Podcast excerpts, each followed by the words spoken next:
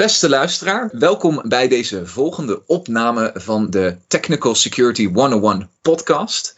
De podcast waarin wij docenten, instructeuren uit het werkveld van cybersecurity in Nederland interviewen, eh, een gesprek mee aangaan om erachter te komen wat zijn nou die basisvaardigheden, die basiskennis om cybersecurity, de technische kant daar nou van te leren. Vandaag heb ik te gast Peter van de Hogeschool Leiden.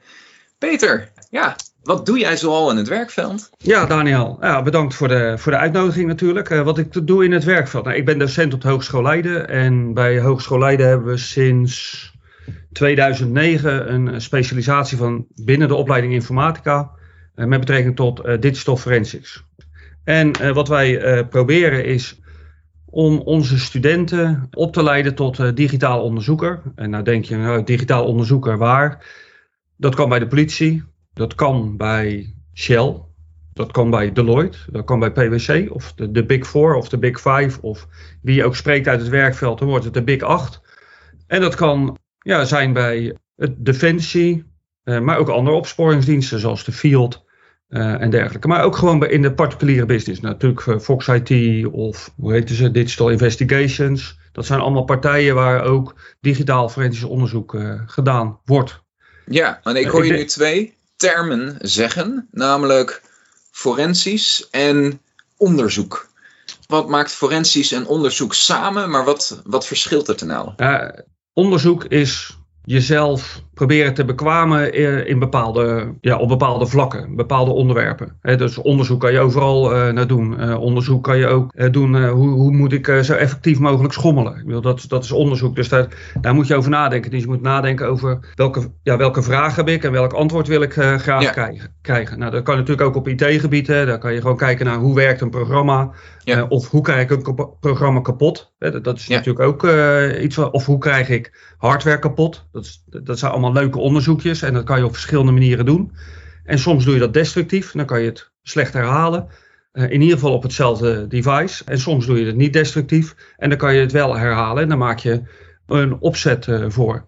Uh, forensisch, dat maakt het specifiek. Hè? Want ja, als, je, als je dat soort onderzoek doet, dat is eigenlijk gewoon testen. Als mensen zeggen over ethical hacking, hè, dat is natuurlijk een mooie term. Dan zeggen oh ja, je bent aan het testen. Maar als ik testen noem, dan, wordt het, dan beginnen mensen ineens te gapen. Ja. Ethical hacking vinden ze leuk, maar testen spannend. beginnen ze ineens te gapen. Ja. Terwijl het in principe natuurlijk hetzelfde is. Nou, bij, bij forensisch onderzoek zou je natuurlijk ook kunnen zeggen, ja, dat is, ah, dat is dan ook gewoon testen. Want je probeert uh, iets te verklaren. Ja, dat klopt. Dus de, eigenlijk is het ook gewoon testen. Dus daar zou je kunnen zeggen, het is saai. Maar er zijn heel veel aspecten die het leuk maken. Wat maakt forensisch nou uh, zo speciaal? Forensisch is ten, hoeve, ten behoeve van de rechtspraak. En dat betekent dat je moet iets aantonen. Alleen dat moet herhaalbaar zijn. Dus je, eh, het moet ook alleen maar op die manier ontstaan kunnen zijn. Want als het, als het daarna niet meer te verklaren is, ja, is het dan zomaar toeval dat iets is gebeurd? Ja, en om iemand nu te veroordelen. En dan moeten we niet direct denken aan uh, een rechtbank, hè, maar dat, dat, kan ook gewoon zijn binnen een organisatie. Jij hebt iets gedaan. Of als het toeval is, dan is het niet leuk als iemand veroordeeld wordt op basis van toeval. Dat is een onrechtvaardig gevoel.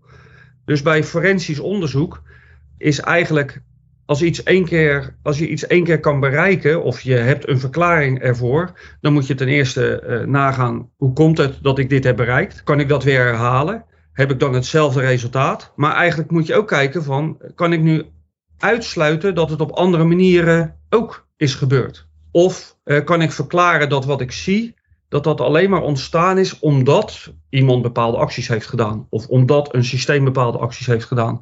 Ja. En als dat zo kan, dan heb je een forensisch onderzoek gedaan. Dus als je, en, en dat betekent dus dat je eigenlijk eh, 80% van de tijd, nou 80, 70 tot 80 van de tijd, procent van de tijd bezig bent met het verantwoorden van wat je gedaan hebt. En ook het opschrijven wat je precies gedaan hebt. En als we dit toepassen op IT, hè, dus we hebben dan bijvoorbeeld een telefoon of een laptop van iemand en je hebt een bepaalde onderzoeksvraag. En je wil iets te weten komen, staat bepaalde, uh, hè, je hebt het over rechtspraak, bepaalde bewijslast, denk ik dan, ja. uh, uh, op die laptop of op die telefoon.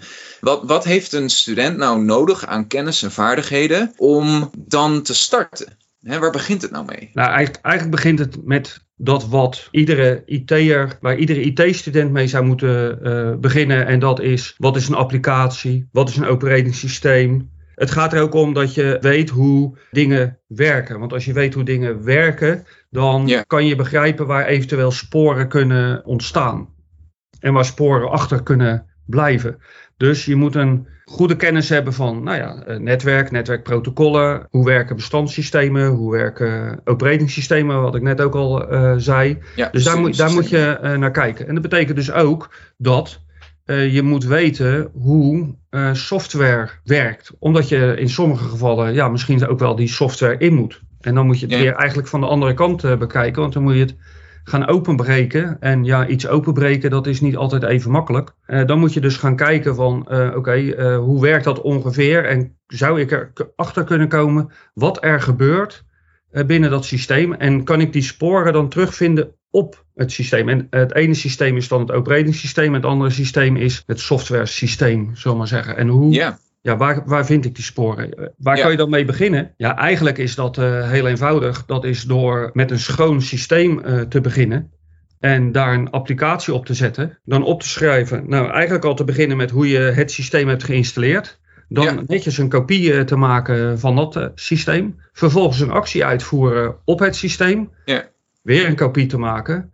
En dan te kijken, wat is er gebeurd? Wat is er veranderd op het systeem? En kan ik, ja, kan ik mijn actie, kan ik die uh, terugvinden in de sporen die ik zelf heb gegenereerd. Oké, dus als ik hem goed begrijp, je hebt dan een machine die je dan opstart. En daar hebben wij volledige controle over. Die kunnen we volledig bekijken. En dan wijzigen we iets om dan in die nieuwe machine het verschil waar te kunnen nemen. Ja, ja en dan hoop je dat je hem volledig onder controle hebt. Hè? Want dat operatingsysteem, daar weet je ook niet precies hoe het werkt. Maar jij vroeg ook, wat is belangrijk om het te leren? Uh, nou, de, de, techniek is belangrijk. Maar nog meer is, uh, want je, je hebt uh, het over bewijslast. maar bewijslast kan ook zijn dat het ontkracht. Als onderzoeker uh, heb je iets geconstateerd en dan wordt je gevraagd of je aan kan tonen of iemand iets gedaan heeft. Dus je gaat altijd zoeken naar sporen die aantonen dat iemand iets gedaan heeft. Maar het kan ook best zijn dat hij het niet gedaan heeft. En dat betekent dus dat je moet verklaren dat, hij dat jij in ieder geval niet kan vinden dat hij het gedaan heeft, zullen we zeggen. En dat betekent dus ook dat je een, een zeker rechtvaardigheidsgevoel uh, moet hebben, maar ook dat je een open uh, mind ja, een open gedachtegang moet hebben. En dat je uh, niet moet tunnelen naar. Oké, ik moet iets vinden om iemand te veroordelen, laten we het zo zeggen. Dus dat is, dat is belangrijk. Het tweede wat belangrijk is, is dat je een hoog frustratieniveau aan moet kunnen. Ja. Omdat je namelijk, kijk, als je software ontwikkelt of als je applicaties test, dan heb je altijd resultaat. Je ziet dat er iets gebeurt. Het kan best zo zijn dat je in een forensisch onderzoek ergens een onderzoek bent gestart en dat je voor jouw gevoel geen resultaten hebt. Want je vindt geen sporen of uh, ja, je vindt het niet. En dat betekent dus dat je niks hebt. Maar je hebt niet niks. Je hebt aangetoond dat het er niet is. Alle studenten die ik uh, spreek, en het zijn er gelukkig nu al een hele, uh, heel groot aantal geweest, ja. die moeten over die stap heen. Dat niks vinden niet niks is, maar dat het resultaat is dat je niks gevonden hebt. Ja. Ik probeer ze altijd uh, te zeggen van, kijk, als je forensisch gaat doen, heb je altijd succes. Ah. Zelfs als je niks vindt. Want dan heb je namelijk aangetoond dat de volgende onderzoeker dat pad niet meer op hoeft en dus heel veel tijd kan besparen. Maar dat niks vinden, dat is, dat is heel vervelend. Uh, kijk, en als je software schrijft of als je hardware bouwt, dan gaat het mis, dan ploft het uit elkaar, dan heb je een resultaat. Je ziet, je ziet dat het fout is gegaan. Alleen bij ons is fout gaan, uh, of bij ons, bij het forensisch onderzoeker is fout gaan dat je uh, niet kan verklaren waarom je dingen hebt gevonden of hoe je dingen hebt gevonden. maar dan heb je ook gelijk een hele ernstige fout. Um, iedere programmeur kent wel, heeft wel de ervaring dat hij iets heeft geschreven, hartstikke trots is op een resultaat.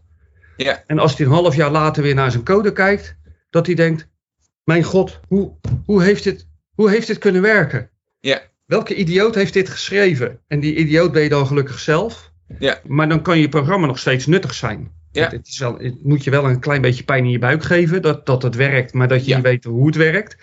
Uh, als forensisch onderzoeker, als digitaal forensisch onderzoeker, ja, is dat eigenlijk een doodzonde. Als je dat niet kan verklaren, hoe eenvoudig ook, ja, dan is eigenlijk uh, al het vervolgonderzoek of uh, de uitspraak die iemand moet doen, die is, ja, op drijfzand gebaseerd. En dat ja, daar heb je dan niet zoveel aan. Nee, daar hebben we niet zoveel aan. Nee. Oké, dus samengevat, hè, ook in IT-land en speciaal het forensisch onderzoekgedeelte. Je moet tegen wat frustratie kunnen, je moet niet opgeven. Ook als iets niet in één keer lukt, is dat resultaat. Leg het vast, zodat als je het overdraagt aan een volgende persoon, die in ieder geval weet wat je allemaal al wel hebt gedaan, zodat in ieder geval alles te verklaren valt. Ja, eh, ik vind eigenlijk dat software engineers, die zouden dat ook moeten doen. Je probeert iets, dat schrijf je niet op, want het mislukt. Uh, maar twee jaar later uh, ga je weer hetzelfde zitten proberen. Het is best ingewikkeld voor informatici en daar, dat maakt digitaal forensisch onderzoek ook best lastig. Het is ingewikkeld voor informatici om op te schrijven uh, wat je aan het, aan het doen bent. Want op een gegeven moment zit je namelijk in een flow. Ja. En dan ben je zo enthousiast dat je dat soort dingen vergeet. Ja. En dat, dat, dat kan best, ja, dat is onhandig.